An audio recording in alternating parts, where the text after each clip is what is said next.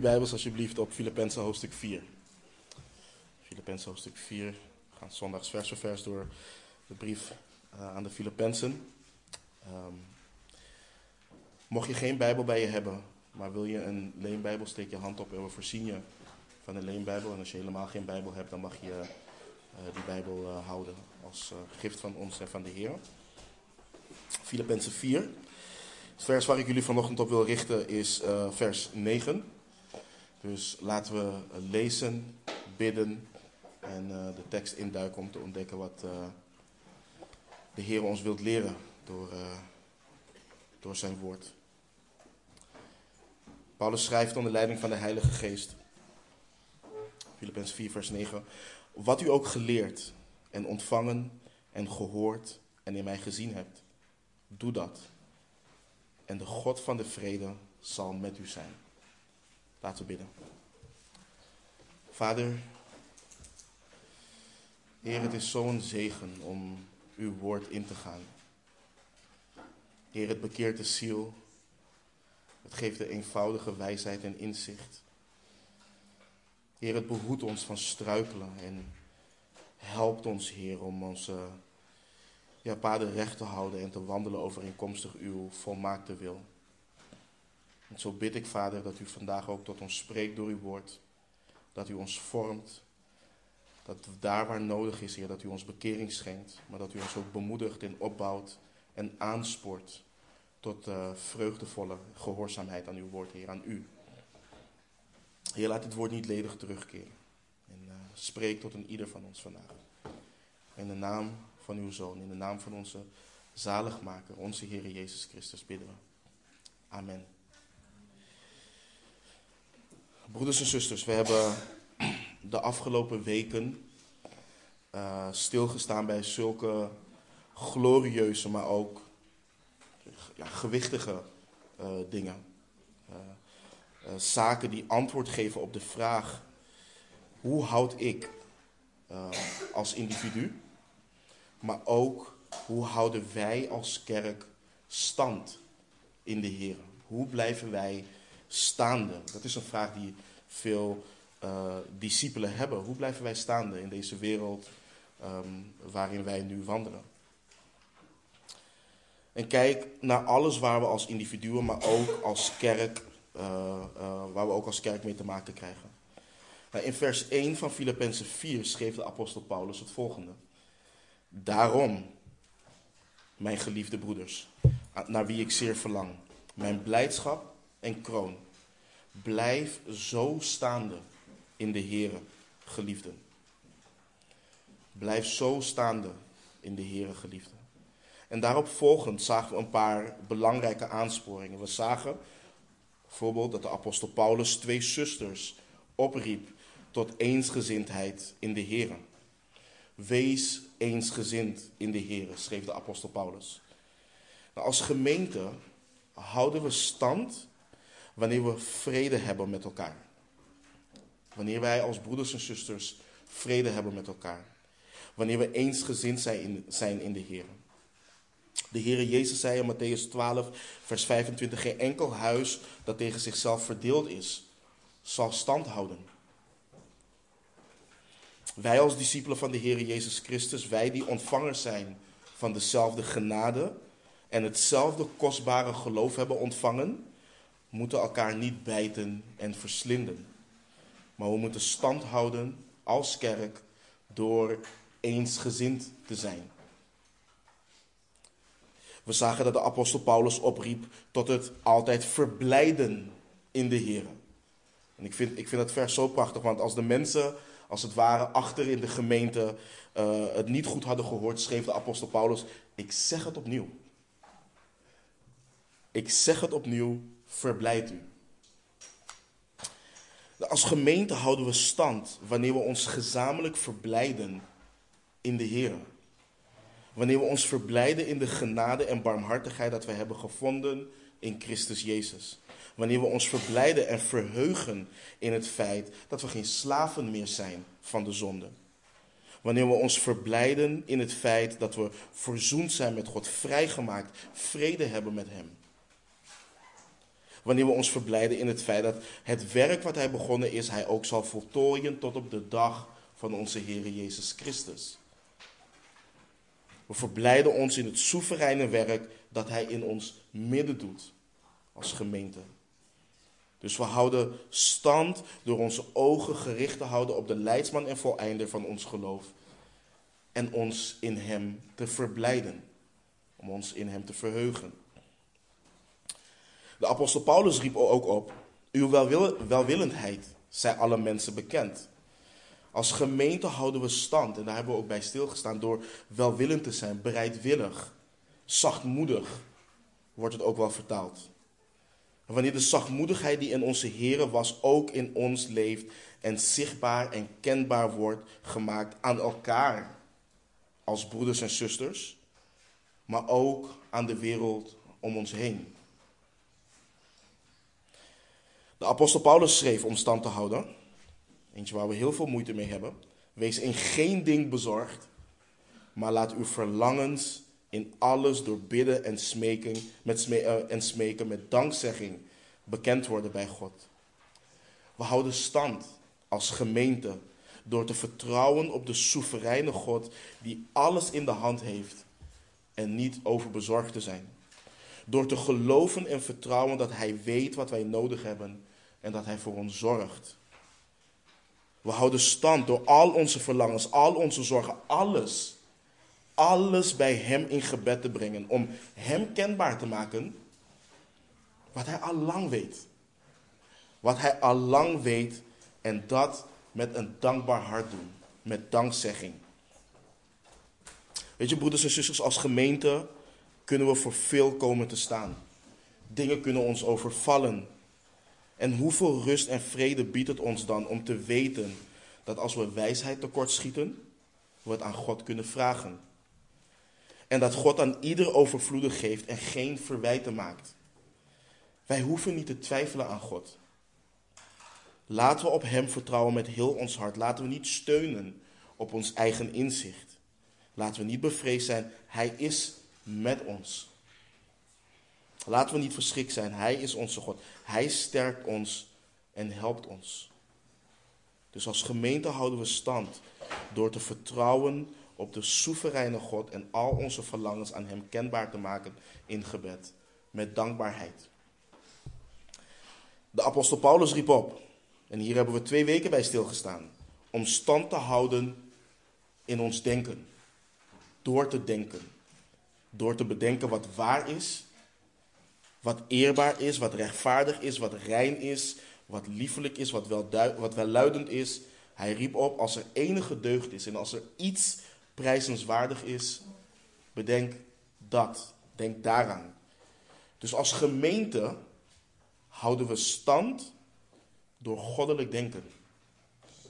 Door de dingen te bedenken die boven zijn en niet die op de aarde zijn. Dan houden we stand. Nu, broeders en zusters.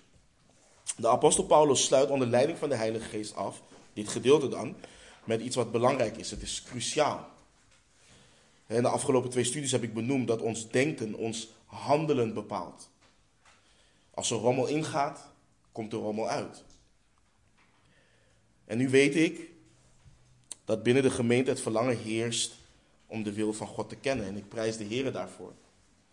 Het oprechte verlangen om de wil van de Heer te kennen. Paulus maakt echter duidelijk in vers 9 dat dit zich hoort te vertalen in handelen. En daar gaan we vandaag bij stilstaan. Laten we onze tekst weer lezen. Wat u ook geleerd en ontvangen en gehoord en in mij gezien hebt, doe dat en de God van de vrede zal met u zijn. Ik geloof dat na twee weken eh, stilstaan bij vers 8 de absolute noodzaak om te denken, om te mediteren op de dingen van God, om het woord van Christus in rijke mate in ons te laten wonen en ons denken te laten vormen, door ons allen volgens mij nu wordt ingezien. Dat het echt noodzakelijk is. Maar een enorme valkuil die wij kunnen hebben als mensen, is dat we weten wat we moeten doen, maar het niet doen. We weten wat we moeten doen, maar we doen het niet. En hoeveel van jullie, en je hoeft je hand niet op te steken, ik weet dat jullie dit willen. Hoeveel van jullie wilt dat de God van de vrede met je is? We allemaal. Maar Paulus geeft hier aan hoe we de zekerheid kunnen hebben dat de God van de vrede met ons zal zijn. En laten we direct tackelen dat de apostel Paulus het hier niet heeft over zaligmaking. Hij zegt niet dat je deze dingen moet doen zodat God bij je zal zijn, je zal vergeven, etc. Paulus onderwijst in bijna iedere brief dat we de gunst van God niet kunnen verdienen. Het is genade, het is niet uitwerken. We kunnen niet roemen in onszelf, we kunnen alleen roemen in Christus Jezus die ons verzoend heeft met de Vader. Maar Paulus heeft het hier over de nabijheid van God. Dat Hij met ons is, Hij is bij ons als onze Vader. En weet je, vandaag, vandaag de dag hoor je in veel kringen, God is met me. God praat met me. Hij leidt mij, Hij is met me. dit is niet om te veroordelen, maar wanneer je gewoon aan de hand van de schrift toetst, hoe het leven van iemand eruit ziet, dan kun je aan de hand van Gods woord tot de conclusie komen: God is niet met je. Hij is niet met je. Let op wat Paulus schrijft. Wat u ook geleerd hebt, doe dat. Doe dat. Het woord geleerd leert dat een wandel in en met de Heer Jezus Christus inhoud heeft, die moet worden onderwezen door iemand die het begrijpt en begrepen moet worden door degene die onderwezen wordt.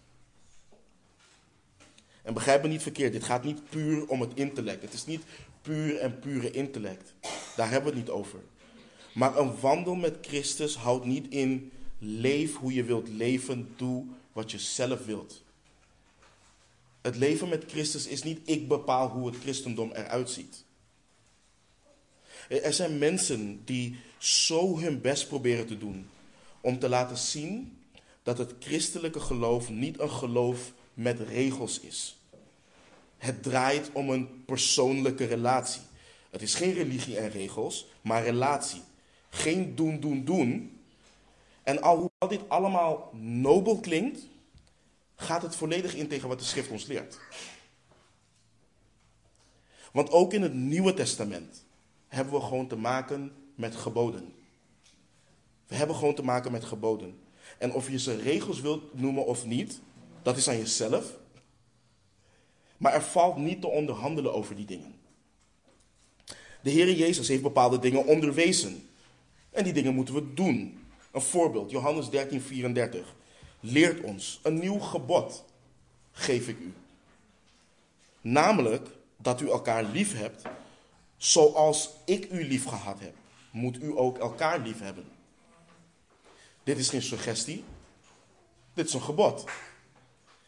Dit is iets waar discipelen van de Heere Jezus acht op moeten slaan. En dit doe je niet om de gunst van de Heere God te verdienen. Dit doe je uit liefdevolle gehoorzaamheid aan jouw Heere en Verlosser. Dit zijn dingen die geleerd zijn. Maar ook hier in dit gebod zie je dat het niet vrij is, of dat het niet aan ons is om in te vullen hoe wij elkaar lief hebben. Er staat, zoals ik u lief gehad heb, moet u ook elkaar lief hebben. Er worden dingen geleerd. Die dingen moeten we overnemen. Die dingen die we moeten gehoorzamen. Daar dienen we in te wandelen. Maar denk nu ook in context aan de dingen die de apostel Paulus hen in Filippi heeft geleerd. We hebben net alleen al gekeken naar de dingen waar we de afgelopen weken bij hebben stilgestaan in hoofdstuk 4. Maar laten we teruggaan naar het begin van de brief. Paulus leerde in Filippenzen 1, vers 27 en 28. Alleen, wandel het evangelie van Christus waardig. Opdat ik, of ik nu kom en u zie of dat ik afwezig ben, van uw zaken mag horen dat u vaststaat in één geest en dat u samen eensgezind strijdt door het geloof in het evangelie. En dat u zich in geen enkel opzicht schrik laat aanjagen door de tegenstanders. Voor hen is dit een duidelijk teken van verderf, maar voor u van zaligheid en dat van God uit. Paulus leert hen, hij onderwijst hen, hij draagt hen op. Wandel het evangelie van Christus waardig. Wandel het waardig. Wandel niet als burgers van Filippi. Wandel niet als inwoners van Rome. Nee, wandel als hen die onderdeel zijn, die burgers zijn van een hemels, van een goddelijk koninkrijk. Dat is wat hij hen leert. Dat is wat hij hen onderwijst. Wat heeft Paulus hen nog meer geleerd? Wat hebben ze nog meer ontvangen? In hoofdstuk 2 zagen we. Wees eensgezind. Heb dezelfde liefde. Wees één van ziel en één van gevoelen. Doe niets uit eigen belang of eigen dunk, maar laat in nederigheid de een de ander voortreffelijker achter dan zichzelf. Laat een ieder niet alleen oog hebben voor wat van hemzelf is, maar laat een ieder ook oog hebben voor wat van anderen is. Nu, broeders en zusters, we kunnen denken, dit zijn waardevolle lessen. We kunnen notities maken en maak ze vooral. Maar als we er niets mee doen, dan is het te vergeefs. Dan zullen we geen stand houden. We weten wel wat we moeten doen, we denken er ook over na, en misschien gaan we zelfs zover en mediteren we erop. Maar als we het niet doen, als we niet handelen naar wat ons geleerd is, dan houden we geen stand. Dan houden we geen stand. Paulus leerde en hij onderwees hen. Laat de gezindheid die in Christus Jezus was ook in u zijn.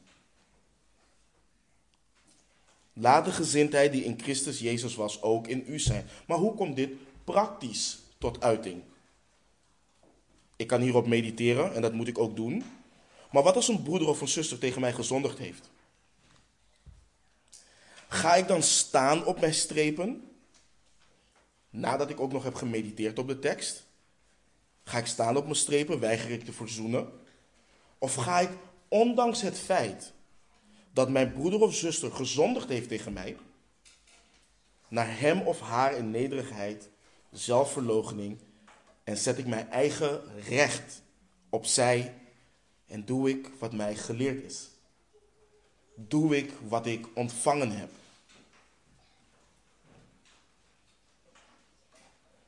Paulus onderwees de gemeente, hij leerde hen. Werk aan uw eigen zaligheid met vrees en beven. Ben je een christen? Ben je een discipel? Laat het zien in je wandel. Laat het zien in je wandel. Laat zien in je wandel dat God een goed werk in je begonnen is. Paulus leerde en onderwees de gemeente. Doe alle dingen, doe alle dingen zonder morren en meningsverschillen. We moeten vaststaan één evangelie, niet klagen, geen ruzie maken met elkaar. Dat is wat hij leerde, dat is wat hij onderwees. In hoofdstuk 3 onderwees hij: let op de honden. Let op de slechte arbeiders. Let op de versnijdenis. Let op hen die een vals evangelie brengen. Let op hen die zaligmaking door werken prediken. Ga hen uit de weg.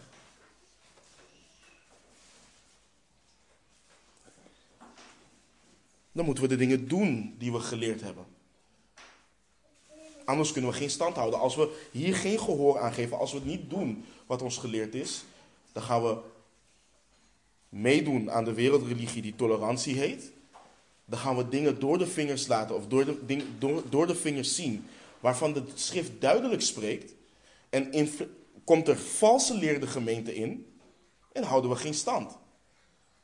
Terwijl de schrift ons duidelijk leert hoe we met die dingen moeten omgaan.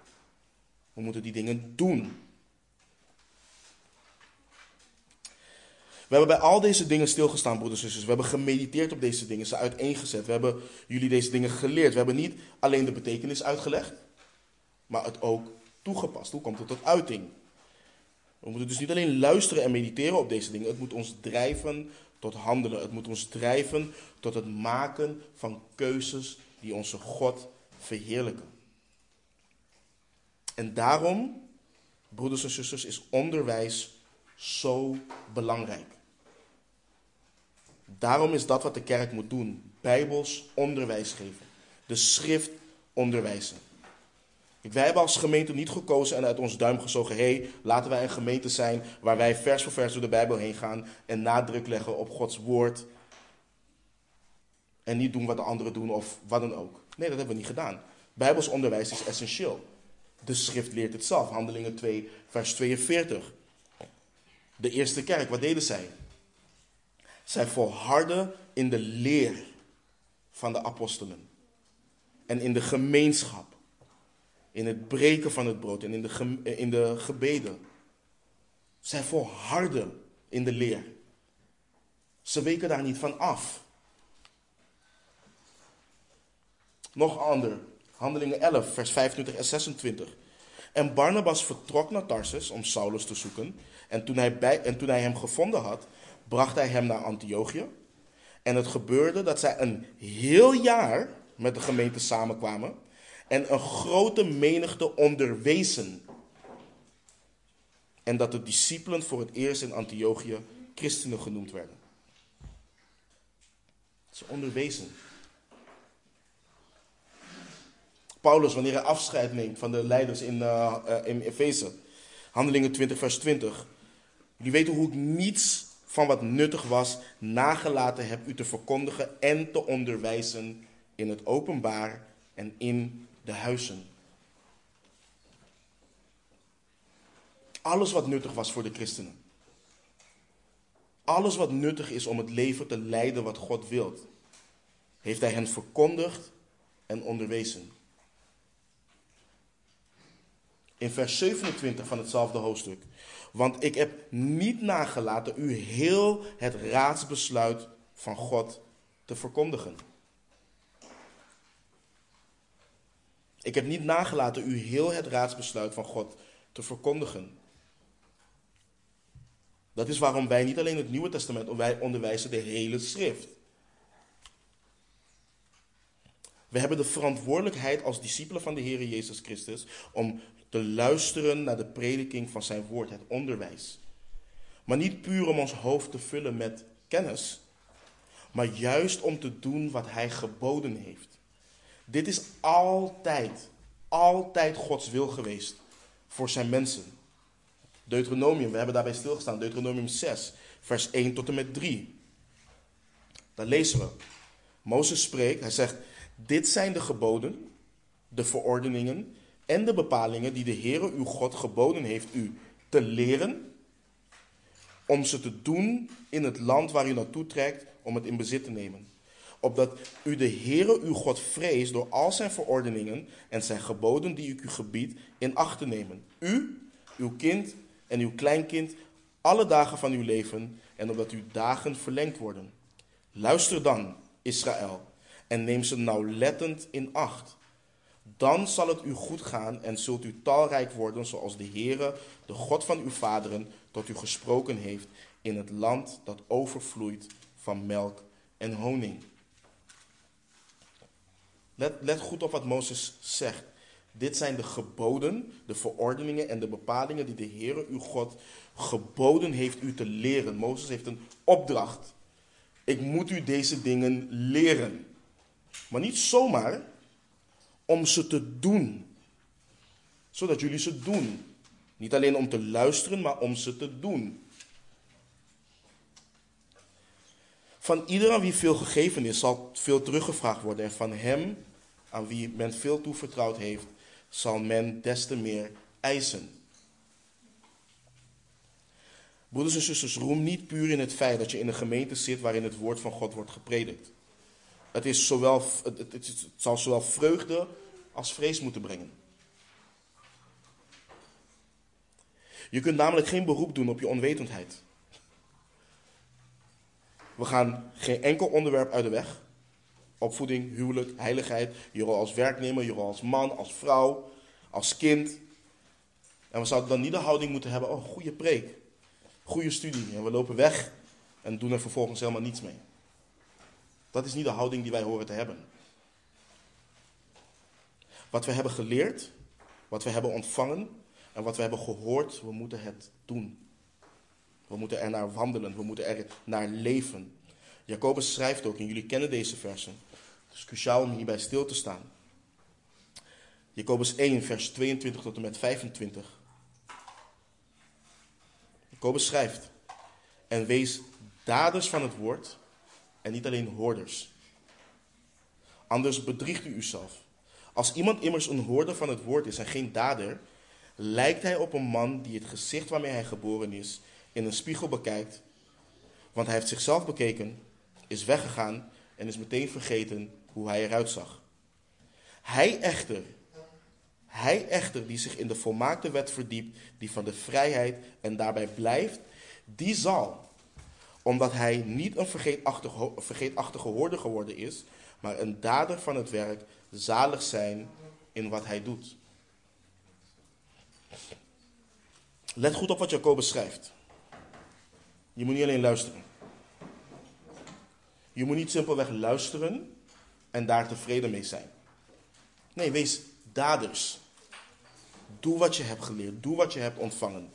Doe wat je hebt gehoord. Doe het. Want als je het niet doet, hij schrijft heel duidelijk, dan bedrieg je jezelf. Je misleidt jezelf. En let goed op waarmee hij zulke mensen vergelijkt. Iemand die zichzelf in de spiegel bekijkt. Hij heeft het hier niet over iemand die even vluchtig keek en daarna wegging. Nee, iemand die zichzelf aandachtig in de spiegel bekijkt. Iemand die zichzelf heeft onderzocht. Maar die persoon is weggegaan en heeft niets gedaan met wat hij of zij heeft gezien. Het is hem of haar niet ten goede gekomen. Zo is het met een persoon die aandachtig luistert naar het woord van God. Iemand die misschien zelfs mediteert op het woord van God. Iemand die hoort wat er wordt gezegd, maar er helemaal niets mee doet. Die persoon heeft een hoop kennis in zijn of haar hoofd. Men kan zelfs naar je kijken en zeggen: Wow, wat een kennis. Maar het zijn lege wolken. Wolken zonder water die door de winden heen en weer gedreven worden.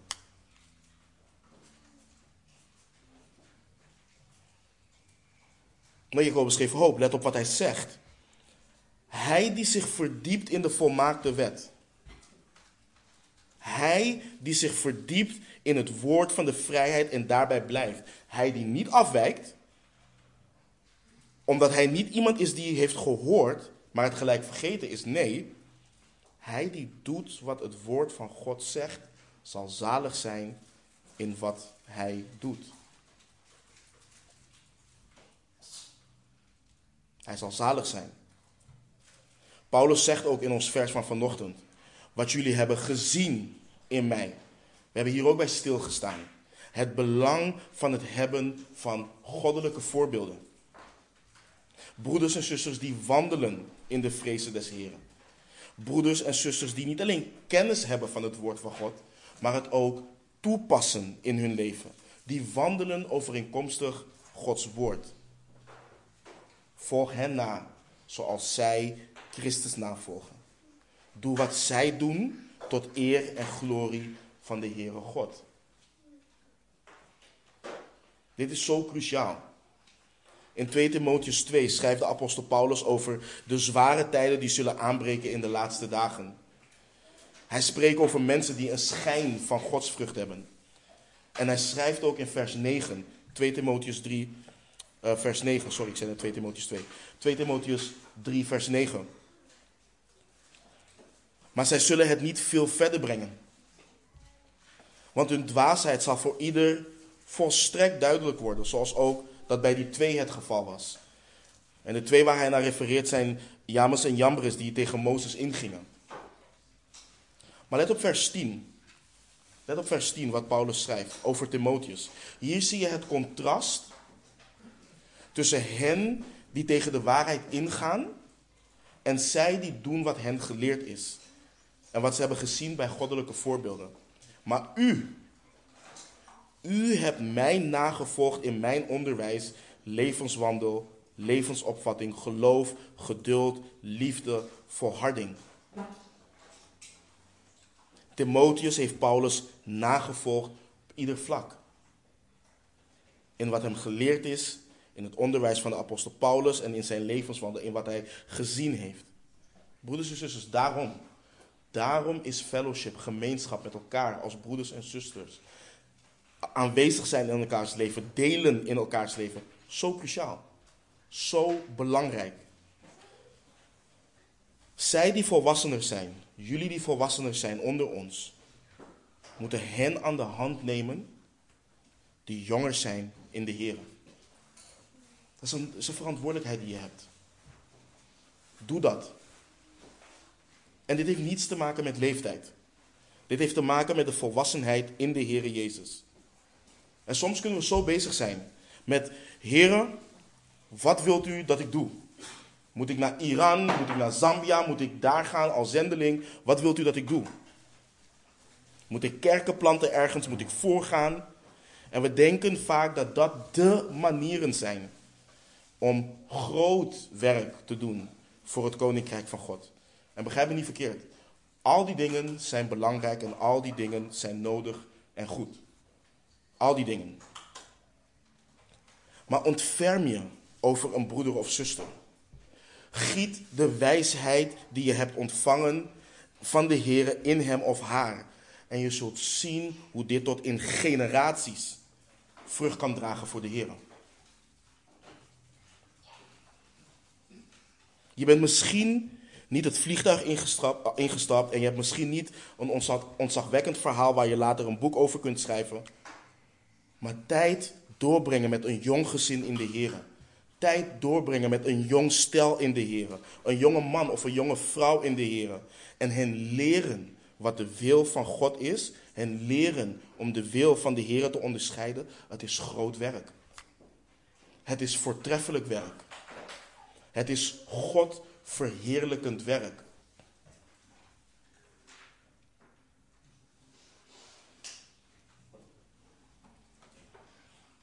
Wanneer wij lang met de Heer wandelen, kunnen we die wijsheid overbrengen en kunnen we doen en zeggen wat apostel Paulus zegt. Volg mij na zoals ik Christus navolg. Het heeft niks met arrogantie, niks met hoogmoed, wat dan ook te maken. Christus, om hem draait het. Dus broeders en zusters, wij dienen te gehoorzamen. We dienen te doen wat de Heere God ons zegt om te doen. En een belangrijke waarschuwing. Waak voor hen, broeders en zusters. Waak voor hen die komen en zeggen en onderwijzen en roepen: genade, genade, genade, maar nooit met je praten over gehoorzaamheid. Waak voor hen die komen en zeggen en roepen: liefde, liefde, liefde, alles is liefde. Maar ze praten nooit met je over gehoorzaamheid of heiligheid. Waak voor hen. Zij die vrijheid prediken en promoten. Dat, zij die vrijblijvendheid prediken en promoten. Waak voor hen. Dat is niet wat de schrift ons leert. Onze Heer Jezus Christus zei, Johannes 14, vers 15. Als u mij lief hebt, neem dan mijn geboden in acht. Als u mij lief hebt, neem dan mijn geboden in acht. En ik, daarom zei ik net heel cruciaal. Waak voor hen die roepen liefde, liefde, liefde. Want het zijn de mensen die roepen, ja, maar je weet niet hoeveel ik van de Heer Jezus Christus hou. Je weet niet hoeveel liefde er in mijn hart is voor hem. Let goed op de woorden van de Heer Jezus zelf. Als u mij lief hebt, neem dan mijn geboden in acht. Doe wat ik je zeg. Hij zegt het niet één keer. Johannes 14, vers 21. Wie mijn geboden heeft en die in acht neemt, die is het die mij lief heeft. En wie mij lief heeft, hem zal mijn vader lief hebben. En ik zal hem lief hebben en mijzelf aan hem openbaren. Let goed, wat, let goed op wat hij zegt. Wie mij geboden heeft en die in acht neemt, die is het die mij lief heeft.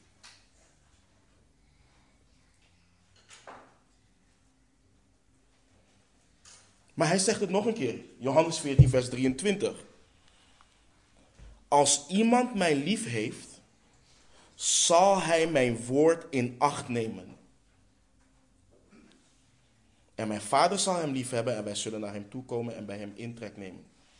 Ik waarschuw.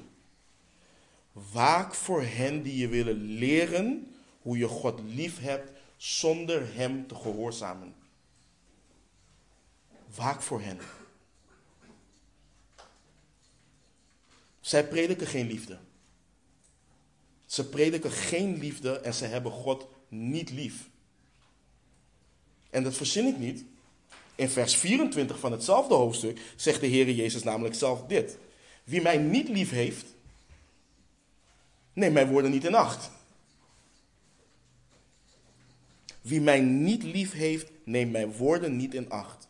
En het woord dat u hoort is niet van mij, maar van de Vader die mij gezonden heeft. Dit is zo belangrijk, dit is zo cruciaal. Vaak voor hen. Want de kerk wordt geplaagd door dit soort mensen. De kerk wordt geplaagd door dit soort mensen die je komen en zeggen dat je kan leven zoals jij goed acht. Nee, het is allemaal genade. Het is allemaal liefde. Het is allemaal vrijblijvend.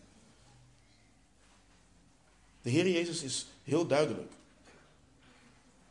En daarom heb ik specifiek deze versen gepakt, omdat je hebt mensen tegenwoordig ook die ze hebben moeite met de woorden van de apostel Paulus. Dan pakken we de woorden van de Heer Jezus zelf. Gehoorzaam hem. En broeders en zusters, ik denk dat het goed is om bij volgende stil te staan. En we kunnen dit niet genoeg benadrukken, want ik verwonder me oprecht. Ik ben echt oprecht verbaasd over hoe mensen kunnen geloven dat genade en liefde ons niet drijven tot gehoorzaamheid. Oprecht. Er zijn echt mensen die leren. Er zijn mensen die leren dat zodra je oproept tot gehoorzaamheid, je oproept tot een evangelie van werken. Er zijn mensen die deze dingen leren. En we moeten blijven benadrukken, broeders en zusters. Wij worden gerechtvaardigd door de genade van God. We worden gerechtvaardigd puur en puur alleen door de genade van God. We worden ook behouden door de genade van God alleen. Geen komma, geen maar, geen end, punt. Zaligmaking is puur uit genade. Net wel, drie versen uit Johannes 14 gelezen, die duidelijk laten zien wat onze reactie is op zijn liefde. Hoe onze liefde zich uit jegens God. En dat is in gehoorzaamheid. Dat is door te doen wat hij heeft gezegd.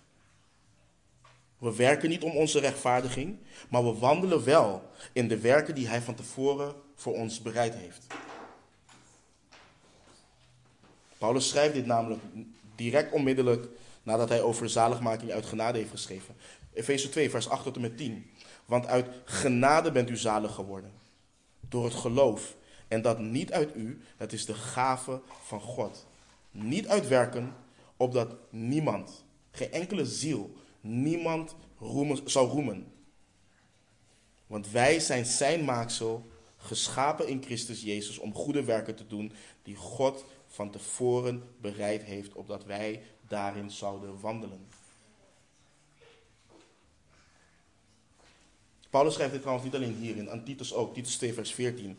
Hij heeft zichzelf voor ons gegeven, opdat hij ons zou vrijkopen van alle wetteloosheid en voor zichzelf een eigen volk zou reinigen.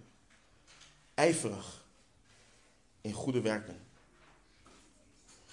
Ijverig in goede werken.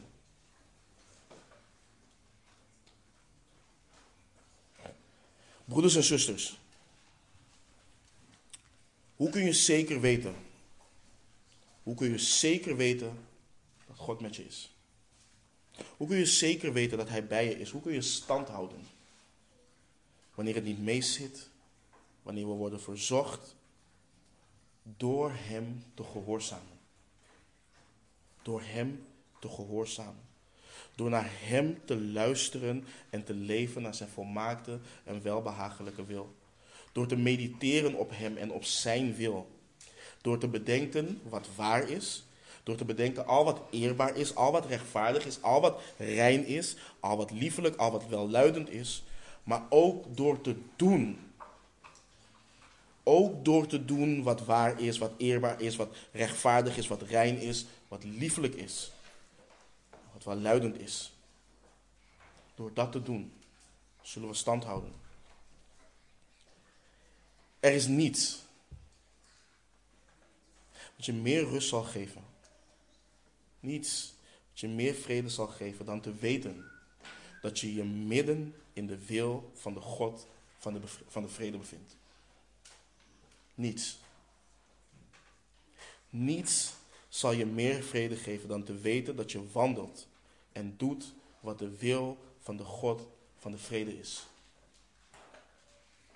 En ik weet, ik weet dat wij een bovennatuurlijke God dienen die krachtig door zijn geest werkt in onze harten.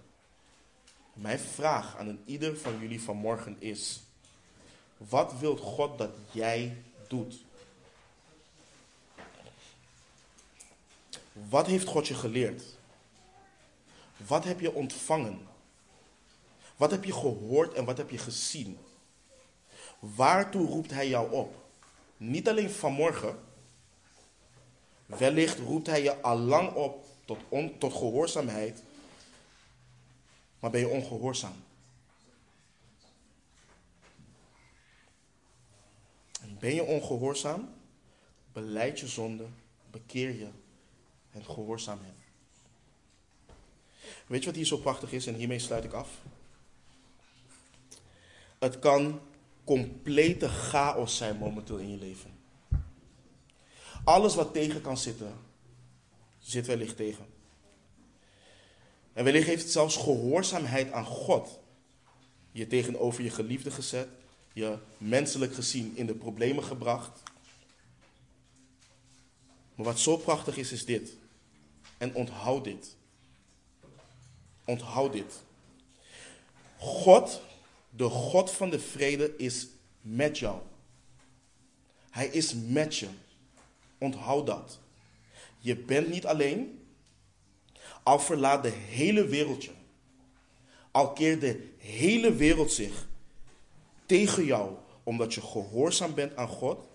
Zelfs zij die beleiden discipelen te zijn, maar wandelen als vijanden van het kruis. Weet dit. De Heere nu is het die voor u uitgaat.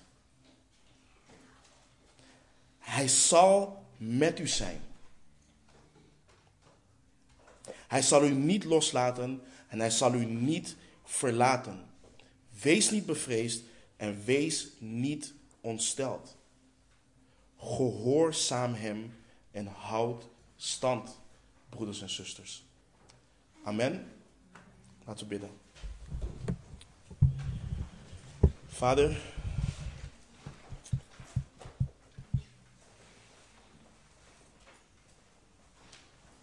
alles wat u zegt, alles wat u wilt, alles wat u doet, Heer, is goed, want u bent goed, Heer. U bent goed. En wat een rust en wat een vrede en wat een bemoediging is het om te weten, Heer. Dat u met ons bent. U die de God van de vrede bent. Vader, ik bid voor mezelf, voor mijn broeders en mijn zusters, voor deze gemeente. Vader, ik bid u en ik vraag u. Help ons, leid ons, draag ons. Geef het ons in ons hart, Heer om in gehoorzaamheid te wandelen. Om te doen wat we gehoord hebben, wat we geleerd hebben, wat we gezien en wat we ontvangen hebben. Laat ons u niet beschamen in onze wandel. Laat ons niet verzaken in de dingen waar u zo overduidelijk in bent, Heer.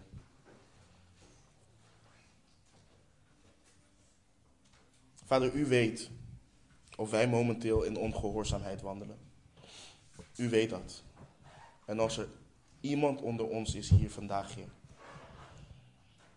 Als er iemand is die in ongehoorzaamheid wandelt. Als er iemand is die niet wandelt overeenkomstig wat u geleerd hebt. Wat u gegeven hebt. Wat u hebt laten zien. Openbaar het alstublieft.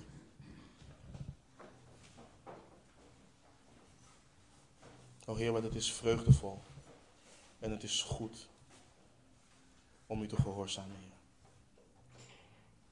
We danken u, we loven u, we prijzen uw heilige naam en bidden dat wij als individuen en als gemeente stand zullen houden in gehoorzaamheid. In Jezus' naam bidden we. Amen.